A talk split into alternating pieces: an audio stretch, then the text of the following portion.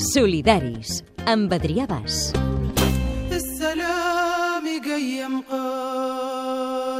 No fem diferències. El 10 d'octubre és el Dia Mundial de la Salut Mental.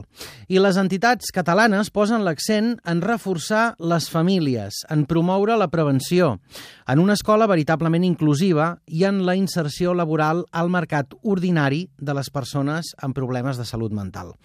Resposta del govern el Departament de Salut ha anunciat en l'horitzó de l'any 2020 que destinarà un 60% dels recursos a enfortir la comunitat i l'entorn de les persones amb malalties mentals i un 40% a l'acció hospitalària. Repenjat a la finestra, calçotets i samarreta, m'encenc l'últim cigarret abans d'anar a dormir. Avui, el comentari dels que més en saben dels solidaris ens l'ha deixat el professor de Ciències Polítiques a la Universitat de Barcelona, Xavier Torrents. I amagat aquest racó, espero la tardor amb melangia.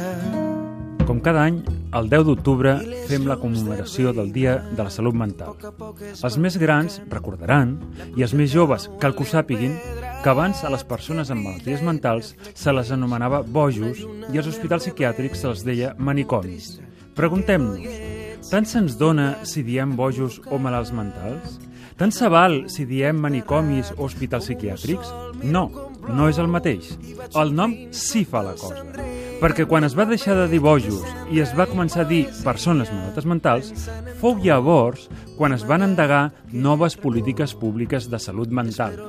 És quan es va començar a fer reinserció sociolaboral i formació per les persones amb esquizofrènia, amb bipolaritat, amb trastorns alimentaris com la bulímia o l'anorèxia, o bé amb depressió. Una part dels antics bojos, reclosos als vells manicomis, van començar a deixar de ser invisibles i d'estar exclosos de la societat. Ens adonem que el nom sí fa la cosa. Cal veure les persones malaltes mentals en la seva dignitat humana, veure-les com a persones dignes. El nom fa la cosa no és el mateix ser benefactors que ser solidaris, perquè no és el mateix fer beneficència que fer solidaritat. Som solidaris. I tant de bo tu i jo amagats aquest racó esperant la tardor